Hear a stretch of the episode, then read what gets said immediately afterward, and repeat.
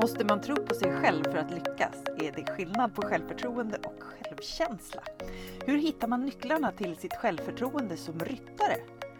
Dags för ett nytt avsnitt av Ryttarens kropp och knopp med Marie Zetterqvist Brockhaus och Lotta Wanning.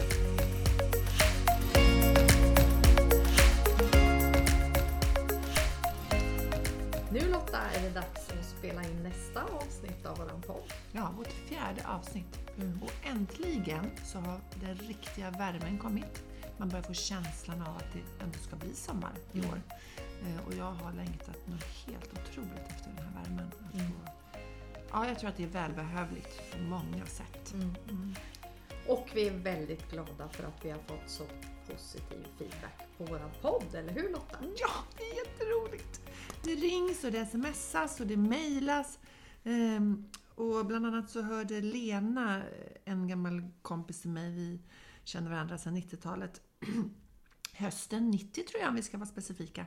Hon smsade till mig. Alltså Lotta, podden var så grymt bra. Jag hörde alla tre avsnitt i sträck. Så fantastiskt proffsigt, intressant och samtidigt lättlyssnat. Jag är så imponerad. Och så svarade jag henne att jag ska, ja, det ska jag såklart hälsa till Marie, svarade jag på sms. Och då svarar hon så himla gulligt. Jag gör det! Fånigt nog känns det som jag känner er båda.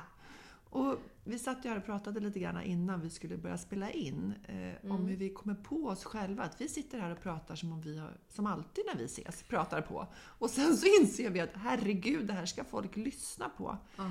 Eh, och hur vi kliver ut ur de här olika liksom, zonerna som vi har pratat om tidigare och sådär. Mm. Men det kommer vi tillbaka till lite senare.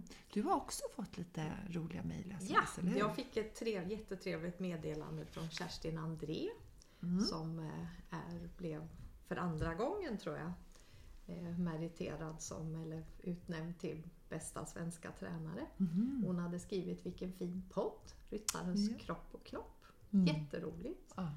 EG Haking som är en id- riktig idéspruta, Ja. också hört av sig. Mm. Så att det känns verkligen jätteroligt. ja. Och eh, vi pratar ju om det här också att eh, det var ju ganska spännande för oss det här faktiskt att spela in en podd. För Mm. det har ju att göra med det här. Berätta lite mer om de, de- de här olika zonerna Lotta. Ja, men jag brukar tänka, och det är inte bara jag som tänker, att vi har någon sorts eh, komfortzon, en liksom inre, om man tänker sig en inre cirkel där vi känner oss lugna, trygga, det finns inget krav på prestation när vi är där. Eh, Det är där vi också kan ha tid för återhämtning. Vi gör sånt som vi har gjort förut. Eh, Och vi förväntar oss ungefär samma utfall. Eh, Så att när vi ses och pratar, det har vi gjort många gånger och det har vi gjort många gånger förut och vi får ungefär samma utfall. Vi pratar varandra lite grann i mun på varandra och vi håller med ibland och ibland håller vi inte med varandra. Men att spela in en podd blev ju för oss, herregud, det skulle tekniken till. Vad behövde vi då? Och där var ju du fantastisk på den och klev utanför din komfortzon och började ladda ner program och tittade på det och klev då ut i cirkeln utanför den här lärandezonen som man kallar den för. Eh, där vi faktiskt lär oss någonting nytt. Eh, där vi måste vara lite modiga. Och det är ju det vi inser att vi är faktiskt modiga.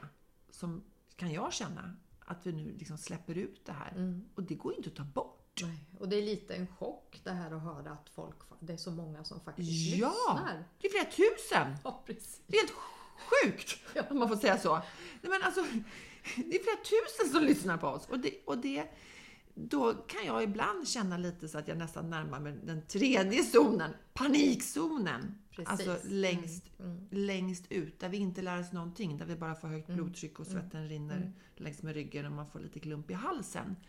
Ehm, så att de tre zonerna brukar jag liksom vilja titta på och liksom Mm. fundera lite grann över. Vad vill jag ha in i min komfortzon? Vad vill jag ha in från panikzonen in i lärandezon? Eh, och så vidare. Och jag tänker också att eh, som jag hanterar det här, det är att jag går faktiskt en hel vecka och funderar på vad vi ska ta upp. Vi har ju ett ämne. Jag tror faktiskt att vi har glömt att säga vilket ämne vi hade idag. Ja, herregud! Eh, idag har vi bestämt oss för att vi ska prata om ämnet självkänsla och självförtroende. Ja. Ett ganska så, eh, vad ska man säga, omtalat ämne på olika sätt. Mm.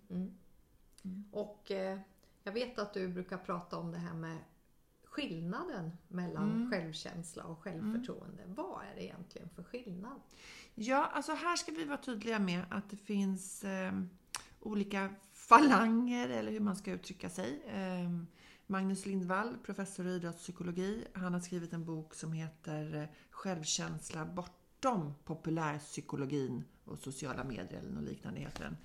Eh, Den heter faktiskt exakt Självkänsla bortom populärpsykologi och enkla sanningar. Eh, Och eh, Magnus Lindvall som är en oerhört kunnig man i många ämnen som rör idrottspsykologi, ger ganska starka kängor i den här boken och även i sin podd som han har till till exempel Mia Törnblom som då har blivit kanske väldigt förknippad med just de här två begreppen. Eh, och de har ändå, tycker jag, som har läst bägge deras olika böcker och sådär, eh, en viss likhet. Det har de.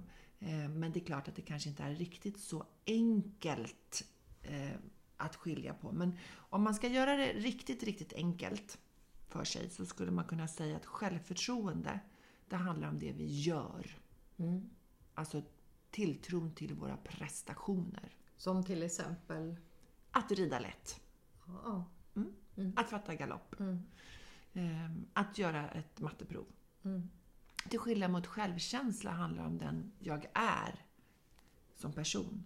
Och kärt barn har ju många namn. Alltså man pratar om självkännedom och självbild och liksom allt det här. Men om man ska liksom lägga alla de uttrycken på en sida så handlar det om den jag är som person. Men sen är det klart att min personlighet påverkar ju hur jag presterar. mm, Så att de går ju liksom lite grann ihop. Och Magnus bok eh, tar ju väldigt upp det historiska perspektivet på när kom diskussionen om att man faktiskt var en egen person och, och allt det här. Ehm, Så att den, jag rekommenderar att läsa den. Den är inte lika lättläst som Mia Törnbloms böcker. eh, Men, eh, men nog så viktig. Så att person och prestation, att skilja på de två begreppen. mm. eh, Men är det inte så Lotta att, att om man gör någonting, om man är bra på någonting, är man bra på att rida, om man nu man börjar tävla och man hoppar banor, man får priser och sådär. Höjs inte självkänslan då? Mm. Precis. Eh, alltså, helt, helt med dig där i den tanken. Att det är klart att om jag känner att jag klarar av saker och ting, att jag är kompetent att fixa saker och ting. Så är det ju klart att, att då kanske jag också upplever min egen personlighet starkare. För då har jag ju använt det kanske noggrannhet. Att jag är noggrann i mina förberedelser, allt det här. Men det som är farligt, som man pratar om, det är när vi börjar gegga ihop de här två begreppen för mycket. För vad händer då om du har geggat ihop dem så att de är helt ihop när du har ett misslyckande? När du har gjort någonting som du ännu inte har lärt dig. Om du då går in och rider den där banan och inte lyckas på den banan, är du ett misslyckande då? Eller är det prestationen som faktiskt är någonting som du ännu inte har lärt dig att hantera? Eh, och då har man sett att om man klarar av att skilja på de här två begreppen så kommer man tillbaka snabbare efter ett misslyckande, om man nu vill kalla det för det. Eller kanske efter en långtidsskada. För att jag möter ju många idrottare som kanske har en skada eh, där man är på rehabilitering väldigt länge. Och om jag då har förknippat mig själv med att jag är en hockeyspelare, vem är jag då när jag sitter med ett skadat knä? Mm. Och sen har jag hört eller läst någon gång för länge sedan att det här med självkänsla, att det grundläggs väldigt tidigt. Jag tror att jag till och med har läst att det grundläggs innan fem års ålder. Och jag har själv funderat mycket på det här faktiskt att alltså man kommer ju nästan inte ihåg hur det var. Man har ju inga minnen. Nej. Det har jag märkt på mina barn också. De kommer inte ihåg. Deras första minne är kanske när de var fyra år eller något sånt där. Och då tänker jag så här att tänk vad mycket man är vad mycket det beror på liksom ens, ens uppväxt ändå Ja. då. Att man, upp, att man uppmuntras, att man får beröm och att man, man känner sig som en, en trygg person som är värd någonting. Men är det så? Är det en sanning? Eller? Ja, nu är inte jag forskare, eh, men jag har hört att det till och med ska vara innan två års ålder har jag läst. Oj, oj, oj. Eh, Men jag och några till, eh, som då kanske Magnus Lindevall och de andra vi kallar för att vi hamnar i populärpsykologins fack, eh, vill ju då tänka att Jaha, så om man då inte hade en bra uppväxt fram till man var två eller fem år, är det kört då? Mm. Kommer, jag, kommer man aldrig bli lycklig? Nej, är det så? Nej, det tror inte jag. Nej. Det tror inte jag. Utan jag tror absolut att det kanske är en väldigt mycket kraftigare uppförsbacke Mm. eh, till att hitta en trygghet och acceptans i den Mm. jag är. Eh, till skillnad mot om jag hade haft den här fina, Mm. trygga uppväxten. Mm. Men sen finns det ju de som har haft en fantastisk uppväxt. Men det har hänt andra saker i livet som har gjort att det inte har liksom varit lugnt och tryggt på den sidan.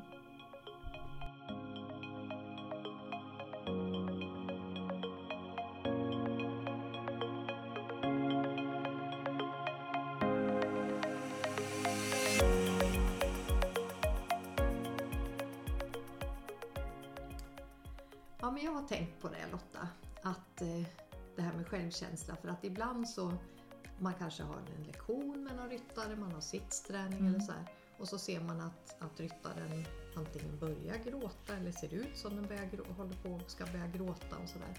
Och man märker att den här ryttaren tycker att det är jobbigt och kanske har lite dålig självkänsla och blir Mm. ledsen. Mm. Sådär. Och då tänker, tänker jag så att, att ja men gaska upp det nu ungefär. då. Men alltså Hur svårt kan det ja, vara? men alltså om man nu Mm. tänker på att självkänslan Mm. ändå grundläggs Ja. så här tidigt. Vem är jag då som ska, Mm. som ska stå där och säga nu, ja, men nu skärp det nu. Men det är därför, oj, det är därför jag tänker att det är så viktigt i att träna oss i hur vi ger feedback. Att vi faktiskt ger feedback på det som den här ryttaren har förmåga att i situationen påverka. Mm. Eh, För att ge feedback på någonting som den ändå inte kan påverka, det är ju helt Mm. värdelöst. Jag vet att du berättade någonting om Pia Sundhage där som hon hade sagt om ridundervisning. Ja, eh, precis. Hon, hon köpte ju häst här och började rida eh, och var lite fundersam över det här hur vi står i ridhuset och liksom slänger ur oss kommentarer till någon som är 60 meter bort eh, och som kanske inte alltid är de positivaste heller. Om man ska lyssna till den, vissa instruktörer. Eh, och där fanns det liksom en fundering över så. Och Pia Sundhage har man ju mätt till att hon ligger på 7-1 som man kallar eller vad säger jag, 9-1 som man kallar det för. Eh, Det vill säga alltså nio positiva stärkande, det här gör du bra, fortsätt med det. Mm, mm. Eh, Och en bara utvecklande. Ja. Och det finns ju en teori om att kvoten ska ligga på, på 5-1. Att man har fem som är liksom rätt eh, och en som är utvecklande. Mm. Eh, Och då kan man ju verkligen tänka till, tycker jag, när man ger feedback. Vad är det jag vill säga och vad är det jag vill exakt vill ska utvecklas? Mm. Så att det inte blir tippar åt andra hållet. Nej. Och sen att man verkligen säger hur ryttaren ska göra. Inte bara Ja. att det är det här som är Mm. Det här gör du inte fel eller du håller skänken fel eller så här, Mm. utan att man verkligen talar om hur ryttaren ska ändra Ja. sig. Det är också jätteviktigt. Mm. Sen har jag faktiskt eh, läst en studie, jag har en forskarkollega som jag träffar flera gånger som är väldigt inspirerande som heter Inga Wolfram, Mm. en holländsk tjej och hon var den första tror jag i världen som har disputerat just i sport, sport psychology kopplat till ridning. Mm. Och hon, i en av hennes studier så gjorde hon, hon tog två grupper ryttare. Varav en var riktiga elitryttare. En var sådana som var lite under elit, alltså Mm. inte någon nybörjare men, men på lite truppen lägre typ. nivå. Mm, Ja, precis. Och då mätte hon med olika tester deras nervositet och deras självförtroende. Mm. Och där kom det fram då genom statistiska beräkningar att det var väldigt stor skillnad då på, eller ganska stor skillnad på både de här elitryttarna, de var bättre på att hantera sin nervositet på Mm. tävling och så. Mm. Och de hade också ett bättre självförtroende. Mm. Och jag tänker också så här att som ryttare så har man ett bra självförtroende så påverkar man ju också hästen till att få ett bättre självförtroende. Så att det blir ju som liksom dubbelt om man tänker en fotboll. Den, Ja. Apropå Pia Sundhage. Ja. den, behöver ju inte, den har ju inte samma... Nej. Nej. samma positiva eller... Nej, tillstånden smittar kanske inte av sig lika lätt i fotbollen. Eller Nej. vad vet vi. Men, men eh, absolut, så det är klart att om jag rider an mot ett hinder och sitter och tänker hela tiden det kommer gå åt helvete, det kommer gå åt helvete, jag kan inte, det kommer gå åt helvete. Det ska ju mycket till utav den hästen då för att faktiskt hjälpa till och hoppa i alla fall. Eh, men tillräckligt många gånger man sitter där och tänker att det här kommer gå åt helvete, det här kommer gå åt helvete. Till slut så börjar man ju backa av, backa av, backa av och då säger man ju till hästen att nu måste vi vägra för det är det jag säger att vi ska göra. Så det är klart att tillstånd smittar ju även i det här begreppen vi diskuterar nu. Men enligt din erfarenhet, tycker du att liksom, är självförtroende extra viktigt för ryttare? Om man jämför med andra idrottare.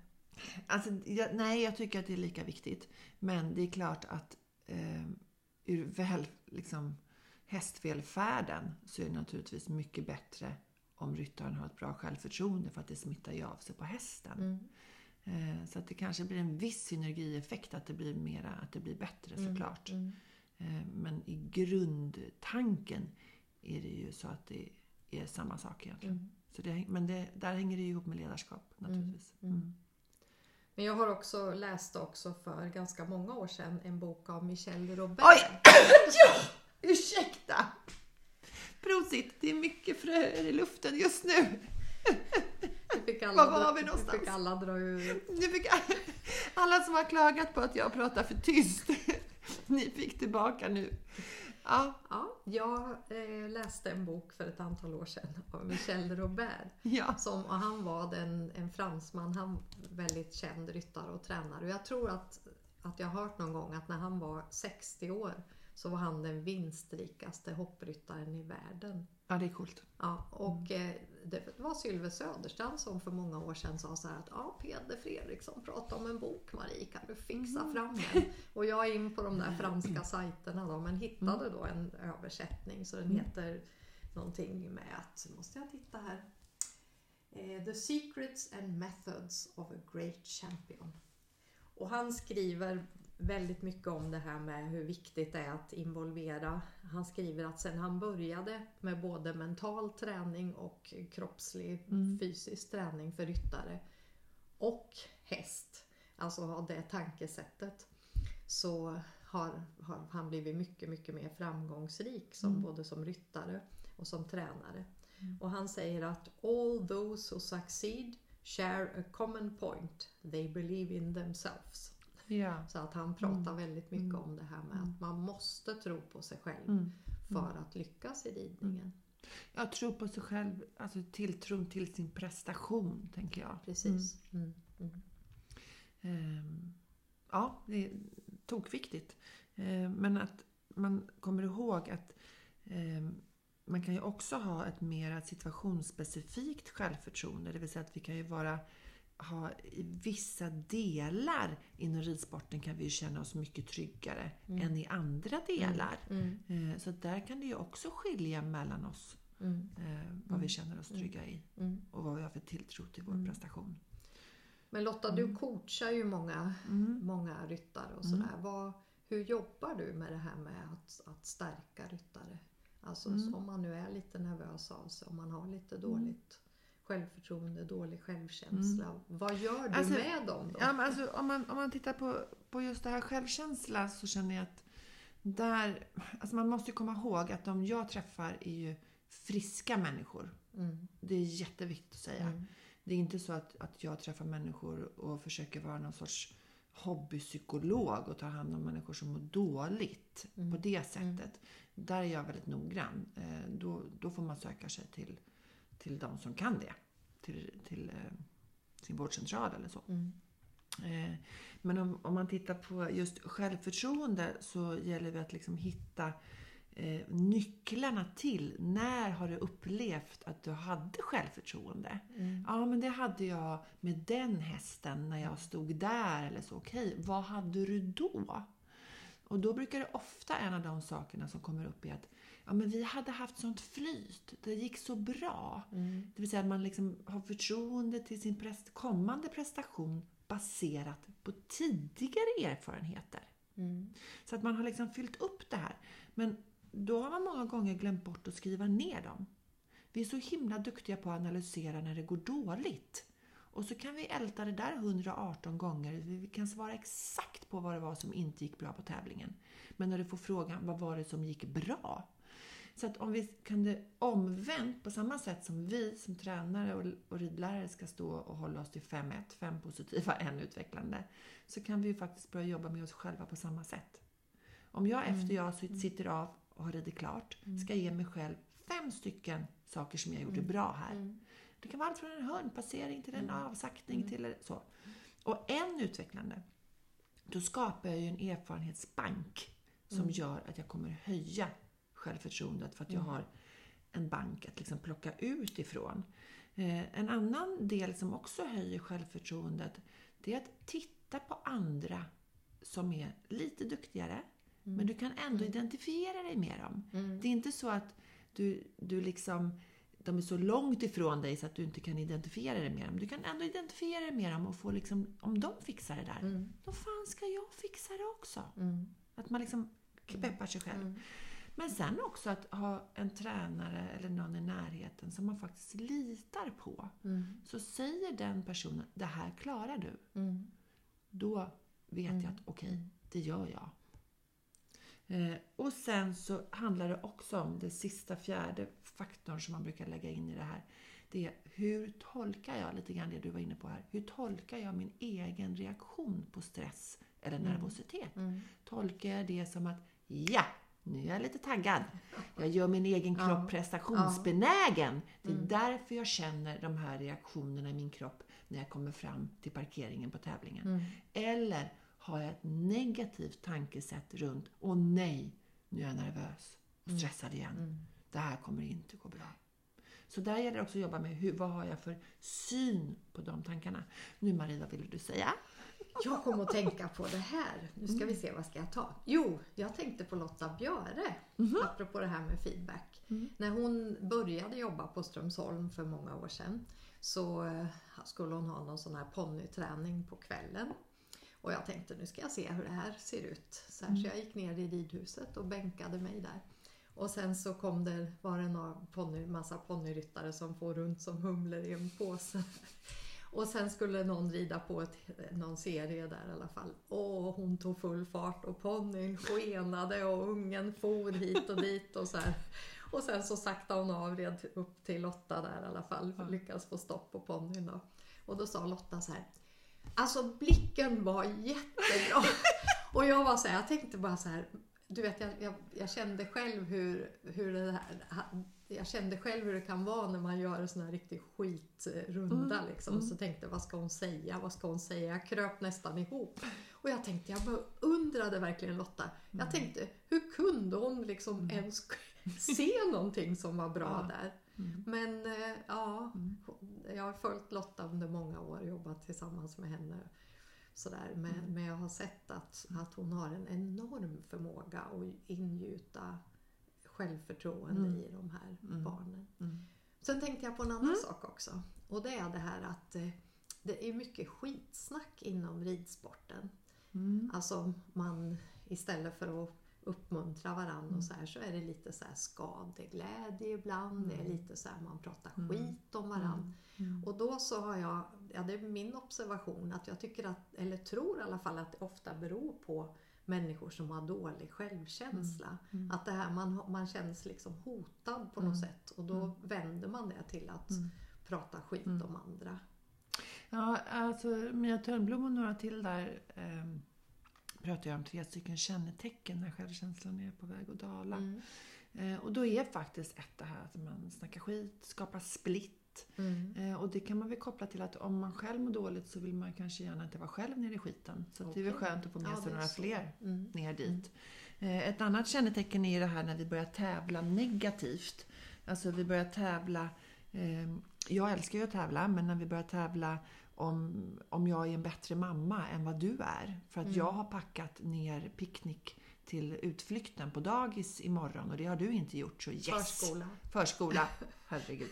Så att herregud, då är jag en bättre mamma än vad du är. Mm. Alltså att man börjar tävla på det här sättet. Eller som en ungdomssektion för jätte, jätte, jättemånga år sedan eh, i en förening som jag var inne och jobbade i. Där man i ungdomssektionen hade börjat tävla om vem som hade de dyraste ridbyxorna. Oj. Eh, och ett tredje sån här kännetecken är eh, att man börjar känna av den här eh, bluff-känslan. Mhm. Hur, hur, kunde, hur kunde Marie hur kunde Marie Zetterqvist Blockhaus, som är så duktig och som har gjort så mycket, hur kan hon vilja spela in en podd med mig? Snart kommer hon nog på att det var Lotta Björe hon egentligen skulle skicka det där mejlet till, men det råkar gå till fel. När ska hon komma på mig? Jag är ju bara en bluff. Mm. De tre liksom kännetecknen. Men om man känner att man har ett bra liksom, självkänsla, då tar jag hand om mig själv. Mm. Alltså, jag tycker att jag är värd att göra det. Och en lite rolig övning sådär, eh, som man kan göra eh, är att skriva ner de relationer som man har i sitt liv som man tycker är liksom toppviktigast. Okej. Eh, och om man då på den här listan på topp tre faktiskt skriver ner den relation jag har till mig själv. Aha, så man För har den en glömmer man. till sig Ja, själv. vad har jag för relation till mig Ja. själv? Vad tycker jag om mig själv? Ja. Eh, så. Sen så är det klart att det ska inte bli så att, att eh, what's in it for me i alla saker man gör och sådär. Det, det är absolut inte det jag vill säga. Eh, men utan då är vi tillbaka till det vi pratade om innan. Att förstå att jag, jag är den person jag är även om jag misslyckas med någonting. Och jag vill bara dra ett ex, kort exempel här. För, för många år sedan så var min granne sjuk och jag skulle baka en kladdkaka till henne. För jag tänkte att jag skulle gå över med den. Eh, och då så höll jag på och jobbade samtidigt. Så att ni vet, en kladdkaka ska ju bara stå inne. Det, det är lite fingertoppskänsla när man tar ut den här, för den ska ju vara rätt kladd liksom, Ja. konsistens. Och att baka en kladdkaka är ju någonting jag gör. Det är ju en Mm. prestation. Mm. Mm. Men att gå över med den till min granne, då är jag ju omtänksam. Mm. Det är Mm. så som jag är som person. Mm. Nu missade jag den här liksom, fingertoppskänslan när jag skulle ta ut den, så den hade varit inne lite för länge. Mm.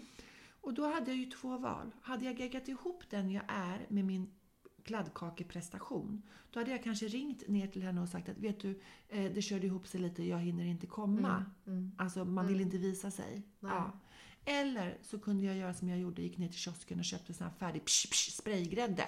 Så vi kunde spraya över den. Och hon var ju lika glad för det, för det var ju tanken från Mm. mig som person. Mm. Eh, så att kladdkakeexemplet brukar jag ha ibland med mig när jag är ute och jobbar. Är det tanken bakom det, där du är som person, eller är det din prestation?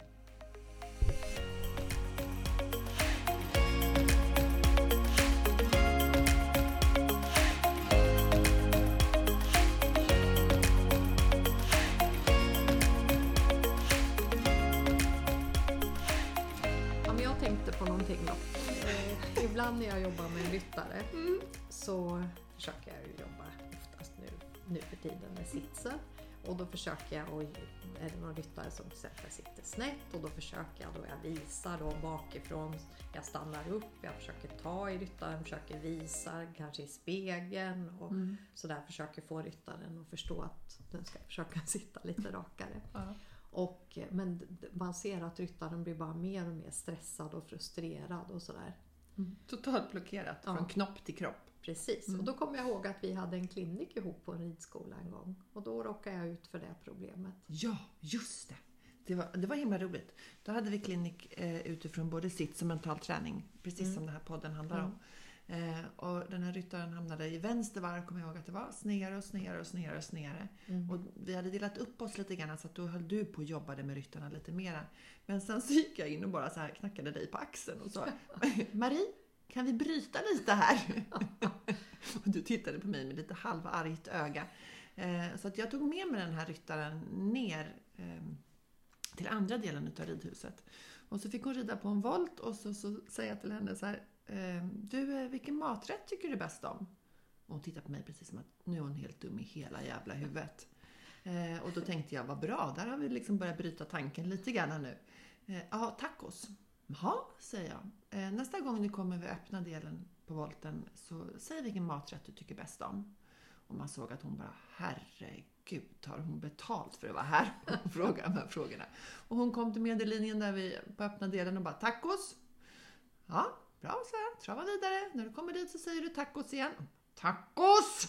Och sen så frågar jag henne, ja, okej, med köttfärs eller med kyckling? Och då såg man att då var så här, hade det inte varit fullt med folk på läktaren, då hade de gått ut. Ehm, kyckling får jag till svar. Bra, säg det varje gång du passerar punkten på slutna delen. Tacos! Så red hon vidare. Kyckling!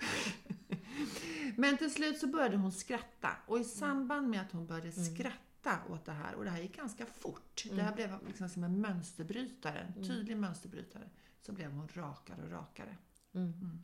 Och sen gick vi ner tillbaka till dig. Mm. Eh, och då var det ju en jättestor skillnad. Mm. För då hade hon liksom brytit den här låsningen som Mm. var genom att Mm. sätta sig i ett helt annat läge. Eh, det, var, det var en ganska rolig upplevelse faktiskt. Ja, och sen så kan det, ju, kan det ju vara jättejobbigt det här också om när det sitter, det satt ju kanske 70 pers på läktaren också då. Ja. Och så känner man att, att man kan inte få till När, när man inte får kontakt med sin Nej, kropp. Nej. Det har man ju varit med om. Att Mm. man liksom ser på film hur Mm. man trycker till med ena skänken Mm. och så spretar den andra rakt Mm. ut. Och det har ju också visat sig att när man är nervös då funkar inte motoriken. Visst är det så Lotta? Ja, Mm. precis. Om, om, och då är vi tillbaka inne på det här. Hur, hur reagerar vi på våra fysiologiska reaktioner i kroppen? Mm. Om jag när jag känner mig nervös börjar liksom direkt tänka att jajamensan, nu är min kropp prestationsbenägen. Det är Mm. därför det rinner till adrenalin. Det är Mm. därför det liksom pumpar ut lite Mm. extra här. Eh, då är det ju lättare att använda det till att trycka upp mitt självförtroende inför min prestation. Ja. Men om jag då istället får beteendet att jag blir helt knäsvag Mm. och tänker att det här kommer gå åt pipsvängen, Mm. då, då går det ju faktiskt klart sämre. Mm. Mm. Men sen tänker jag på också så här att eh, jag är lite grann inne på det här med feedback. Tillbaka Mm. till det. Mm. Att eh, som jag är en sån person så jag jobbar bäst på positiv feedback. Mm. Alltså jag har mycket motor själv och så här. Så jag behöver få mycket positiv feedback. Mm. Men sen har jag, ibland när jag haft elever har de sagt så här, nej men du måste skälla på mig lite mera. Ja, och då är vi inne på det vi pratat om tidigare i avsnitt, om motivation. Ja, Alltså vad drivs vi av? Och Ja. om man då drivs mycket av den yttre motivationen, du drivs ju, kommer vi fram till, väldigt mycket av inre motivation. Mm. Så det är klart att det är härligt att få på liksom Mm. så här. Men sen så har vi de som vill ha den här piskan. mm, Och, men det är ju väldigt svårt att hålla igång sin träning om jag alltid behöver vara med i någon sorts så här 16 weeks of hell som är så inne Mm. just nu eller så. Att jag alltid måste ha den här piskan, piskan, Mm. piskan hela tiden. Eh, då är det ju tufft att hålla igång träning och motivation när jag är själv. mm, Eh, och då är vi inne på det här med målsättningar som vi ska prata om i nästa program. mm, Alltså hur sätter jag mina mål? mm. Är det mål som, som jag klarar av att sätta? Mm. Och, och vi vet att om jag klarar av mina mål och uppfyller mina mål, då höjs ju också självförtroendet. Mm. Och då förändrar jag mitt beteende. Mm. Och då kan jag vara mer koncentrerad och mer fokuserad. Mm. Så att de här bitarna, alla de här bitarna går ihop. Mm. Eh, Det gör att man måste kristallisera ut dem. Precis som när man ska bygga ett pussel så måste du liksom veta vilka bitar ska ligga i ramen och vilka bitar ska in i mitten. Men det är ju samma sak med kropp och knopp för en lyckad ryttare. Mm. Det är också pusselbitar som du så fint har på din bok, kom jag på nu när jag på Ja, just det. ja. Ehm, Man måste veta vilka bitar som ska ligga var, Mm. men de måste ändå få samverka med varandra. Mm. Så tänker jag. Mm. Men sen, och sen jag tänker också på att eh, när jag jobbade på Strömsholm Mm. Så pratade ridlärarna ibland om, de sa så att hon är en sån som aldrig är nöjd. Mm. Alltså vissa ryttare, har också råkat ut för det.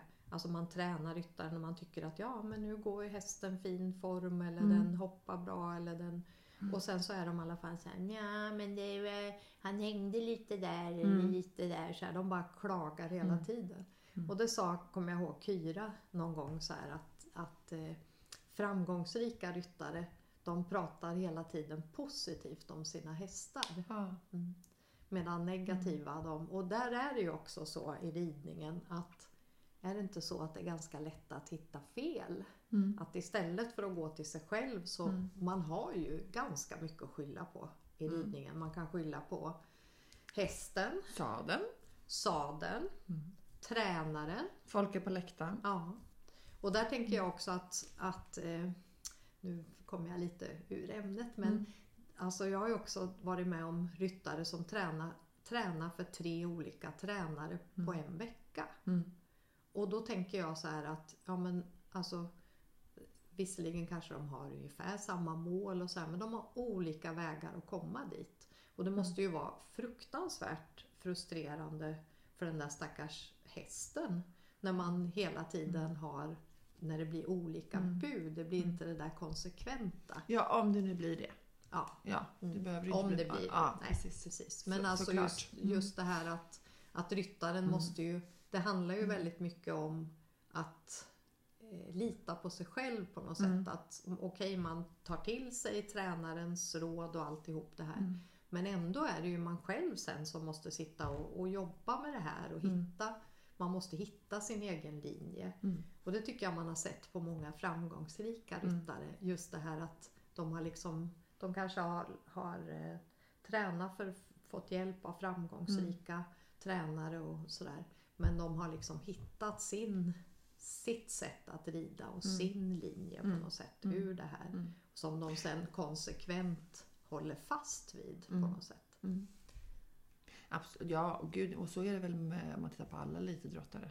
Mm. Mm. kan man ju bara titta om man tittar på Mästarnas mästare till exempel, hur de diskuterar runt de Mm. bitarna. Mm. Eh, Men avslutningsvis sådär lite, lite grann så finns det ett väldigt fint citat tycker jag som, eh, jag vet inte om du vet vem som har sagt det, men det finns en människa som har sagt Låt därför livet bära med sig vad det vill och låt mig vara stark nog att ta emot vad det bjuder. Mm. Låt därför li- livet bära med sig vad det vill och låt mig vara stark nog att ta emot vad det bjuder. Kanske Dalai Lama? Nej, Nej, nästan. Astrid Lindgren sa det. Astrid Lindgren. Och det är så, tycker jag, alltså om vi har de här tilltron, tro och tillit till att jag faktiskt fixar livets Mm. olika utmaningar. Och då är vi inne på det här med självkänsla och självkännedom och, Mm. och så vidare. Att om jag står där och liksom känner att Gud, hur ska jag klara det här? Jag är inte bara en bluff. Utan Mm. Marie ville att vi skulle göra den här podden ihop. Eh, har jag då de egenskaper som krävs för att förbereda mig, vara noggrann, komma i tid till inspelning och så vidare? Ja, men det har jag. Och det är en utmaning att göra det här. Och sen kan man då koppla det till min prestation. Eftersom vi har fått några som har hört av sig och sagt att antingen pratar jag för högt eller så pratar jag för lågt eller så skrattar jag för högt eller så skrattar jag inte alls. Eh, så. Och om jag skulle liksom gegga ihop det med den jag är, då skulle vi inte få ett enda till avsnitt inspelat. Utan då får jag ju tänka att där har vi ju inne på min prestation som, som poddare. Att liksom kunna faktiskt jobba mera med att hålla en jämn samtalston så att ingen får ont i öronen om jag börjar skratta för högt. Men det, jag är ju fortfarande den jag är. Mm. Och det är kanske den personligheten som har liksom klickat igenom lite för mycket då, så att det blev svårt i den Mm. prestation jag ska göra. Mm. Ehm, ja, så, så tänker jag. Ja, och sen är det ju så här också att Katarina Hansson som publicerar den här på Ride News Mm. som publicerar våra poddar då. Hon sa lite tröstande efter första gången att ah, men de flesta som går in de lyssnar bara på det senaste avsnittet så ni får göra det lite bättre. Jag knappt skratta. Men jag tycker om att skratta. Ja. Okej, Mm. ja, så att och nästa gång kommer vi att prata om mål. Ja, herregud vad vi ska Mm. nörda ner oss i Mm. olika Mm. mål. Vad är det för skillnad på prestationsmål och resultatmål? Mm. Vad är ett delmål? Mm. Vad är ett processmål? Finns det något som heter känslomål? Mm. Vad kan jag mäta? Vad kan jag inte mäta? Och vi älskar att sätta upp mål. Ja. Eller hur Lotta? Ja. Och göra listor. Ja. To-do-list. Ja, Och sen jobbar vi på. sen jobbar vi på. Så att vi får väl önska våra lyssnare en eh, Fortsatt fantastisk fortsatt maj. fin... Ja, precis. Fast det här kommer väl i... Du har Nästa klickat vecka. över till Ja, juni. precis. Då är vi redan inne i juni. Mm. Ja. Och då tycker jag vi ska passa på att önska alla årskurs treor en Ja. extra unik student. Kom Ja. ihåg, ingen annan har haft en student Nej, som ni har haft. gud, nu blev jag tårögd. Ja, nu börjar hon gråta. En skrattar, en gråter. Så vi avslutar här nu. Ta hand om er allihopa där ute. Hej då!